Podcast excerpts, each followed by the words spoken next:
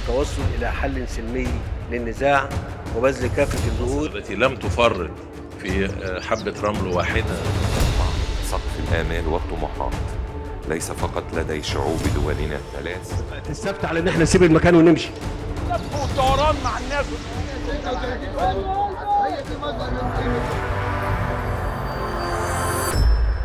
تفنيد نتتبع نتحرى نفند. حرائق الكنايس موضوع غريب انتشر خلال الأسبوع اللي فات وكانت الأسباب مختلفة وكذلك تعامل الدولة وأجهزتها كان مختلف مع كل حالة هنتكلم معاكم بالتفصيل حوالين الموضوع ده. مراكز الاحتجاز في أقسام الشرطة سيئة للغاية. ده كان تصريح لجورج إسحاق الأسبوع الماضي وأثار حالة من الغضب الواسعة ما بين الجهات الرسمية في مصر. وده اللي دفعهم إن هم يطلعوا بيانات تتنصل من تصريحاته. هنعرف تفاصيل الموضوع ده مع بعض في حلقتنا النهارده. وعن شبكة الطرق في مصر وجودتها وتصنيف مصر في المؤشرات الدولية هيكون حديثنا كمان في حلقة اليوم. أنا محمد طلبة. وأنا شيماء سليمان وبودكاست تفنيد.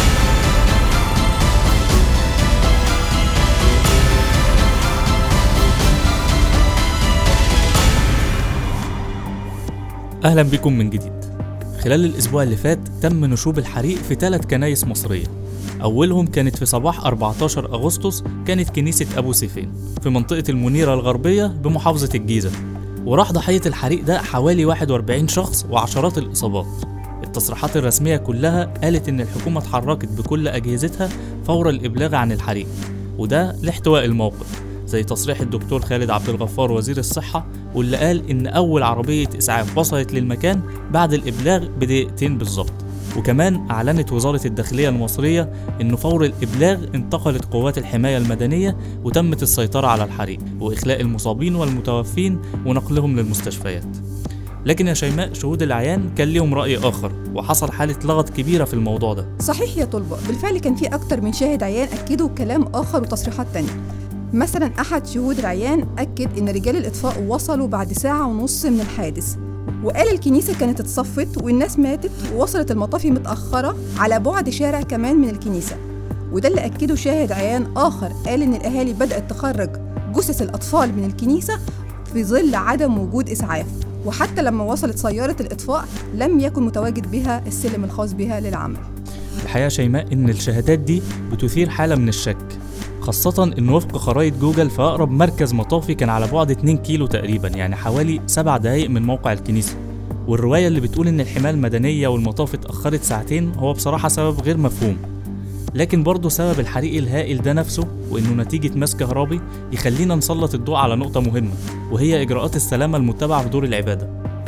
خليني أقول لك يا طلبة إن المادة 9 من قانون بناء وترميم الكنائس بينص إن كل مبنى بيتم تخصيصه ككنيسة لابد أن يكون فيه شروط ثبوت السلامة الإنشائية وده بيكون وفق تقرير من مهندس استشاري معتمد من نقابة المهندسين.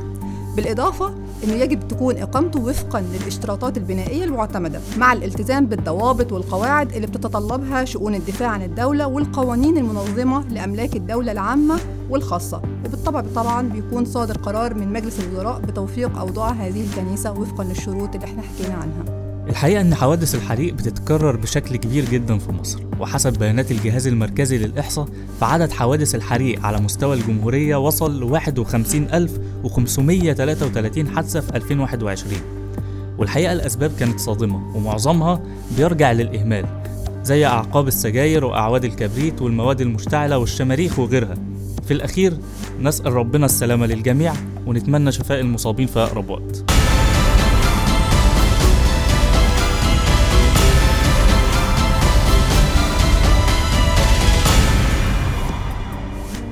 أنا كل تحفظي على مراكز الاحتجاز في أقسام الشرطه دي سيئة جدا للغاية.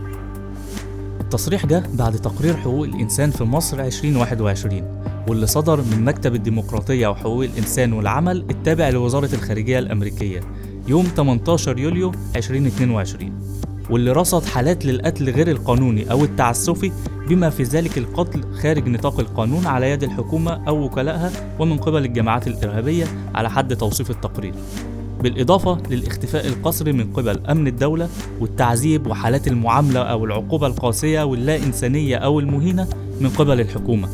وظروف السجن القاسية والمهددة للحياة والاعتقال التعسفي وكمان السجناء والمعتقلين السياسيين والأعمال الانتقامية ذات الدوافع السياسية ضد الأفراد الموجودين في دولة أخرى.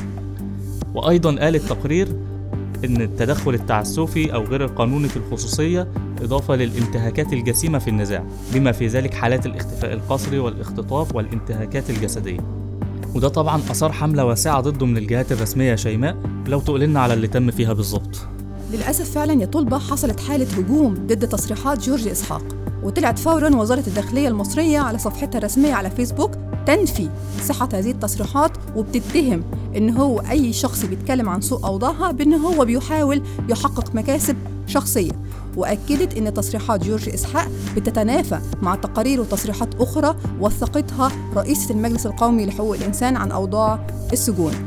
المثير إن في اليوم الثاني يوم 11 أغسطس 2022 خرج المكتب الإعلامي للمجلس القومي لحقوق الإنسان بتصريح من خلال موقعه الرسمي قال فيه إن ما صدر مؤخرا من تصريحات على لسان أحد أعضاء المجلس بيقصده طبعا جورج إسحاق بخصوص أوضاع السجون بيعبر عن رأيه الشخصي ولا يعبر عن رأي المجلس القومي.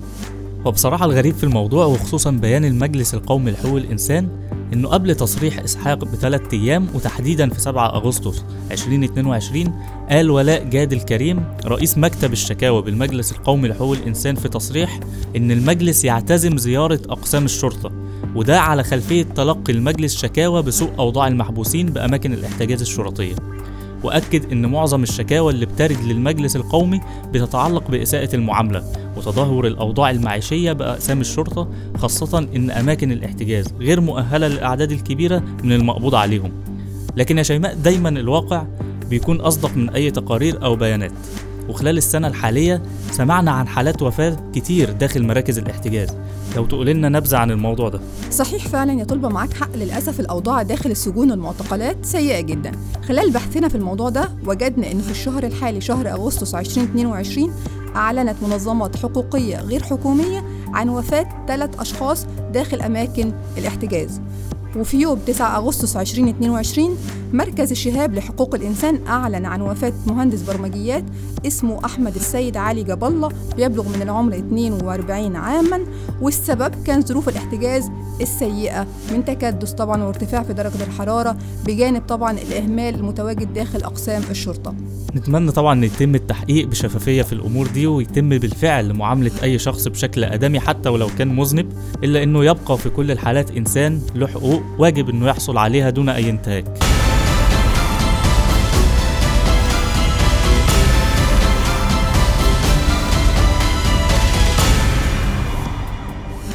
بيقال إن الطرق تعتبر هي شرايين التنمية. وخلال السنين اللي فاتت مصر عملت على بناء شبكة طرق كبيرة خلت ترتيب مصر في جودة الطرق يرتفع وده بحسب المؤشرات الدولية. واللي قالت إن مصر تقدمت 90 مركز من 2014 ل 2019 وده اللي قاله محمد عثمان رئيس لجنة تسويق السياحة الثقافية بوزارة السياحة المصرية. وقال إن مصر بتحتل المركز ال 16 عالميا في جودة الطرق. لكن التصريح ده كان فيه مشكلة. لو تقول لنا إيه هي يا شيماء؟ لما بدأنا رحلة البحث اكتشفنا مشكلة إننا لما بحثنا في نتائج المؤشرات العالمية ذات الصلة واللي كان آخرها في عام 2019 ما توصلناش لأي إحصائيات تتعلق. بجودة الطرق في العالم خلال عامي 2020 و 2021 وده بالطبع أثار عندنا حالة من الشكوك في الجهة اللي استند ليها رئيس لجنة تسويق السياحة الثقافية بوزارة السياحة بخصوص الأرقام اللي أطلقها وقالها. وبالتالي حاولنا إن إحنا نرجع للتقارير التنافسية العالمية لعام 2019 واللي بيصدر عن المنتدى الاقتصادي العالمي. وتبين لينا إن مصر جاءت في المركز ال 28 عالميا في مؤشر جودة الطرق وليس المركز ال 16 عالميا زي ما قال أو ادعى السيد عثمان في تصريحه. الحقيقة الموضوع ده مهم لأكتر من سبب. أولا إنه تم إنفاق ما يتجاوز 400 مليار جنيه لرفع كفاءة شبكة الطرق المصرية. وفقا لتصريح أحمد قبيصي مدير إدارة الكباري بالهيئة العامة للطرق والكباري. ثانيا إنه من المقدر ان يبلغ إجمالي الاستثمارات المستهدفة لقطاع النقل حوالي 307 مليار جنيه في عام 2022 2023 وده مقابل 240 مليار في العام السابق. نظام النقل إذا تم تأسيسه وإدارته بشكل علمي وسليم فهو بيحقق أهداف التنمية وبيرتبط ارتباط جوهري مع متطلبات التنمية الاقتصادية والاجتماعية والقومية. وبيدعم في الوقت ذاته دور النقل على المستوى الإقليمي والدولي. وبكده نكون وصلنا لآخر محطتنا من بودكاست تفنيد. نتمنى ليكم بداية أسبوع سعيدة وبعيدة عن أي مشاكل أو تضليل. كنت معاكم أنا محمد طلبة. وأنا شيماء سليمان وبودكاست تفنيد.